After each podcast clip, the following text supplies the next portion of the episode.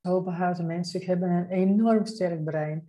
Kunnen alles, alles analyseren. Wat zijn nou de verschillen, kun je dat aangeven, tussen hoogsensitiviteit en hoogbegaafdheid? Of... Ik vind wel even dat je wel heel snel gaat. Dan kan die manager wel denken van, hé, hey, wil jij soms op mijn stoel zitten? Ja, erg genoeg. Want acceptance en commitment therapie werkt mee aan psychologische flexibiliteit, dus aan veerkracht in het leven. En misschien ook wel voor alle collega-vertrouwenspersonen.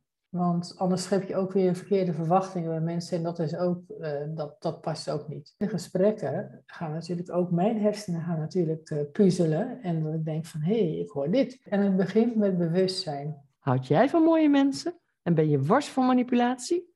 Abonneer dan op mijn podcast. Ik wens je heel veel kijk- en luisterplezier.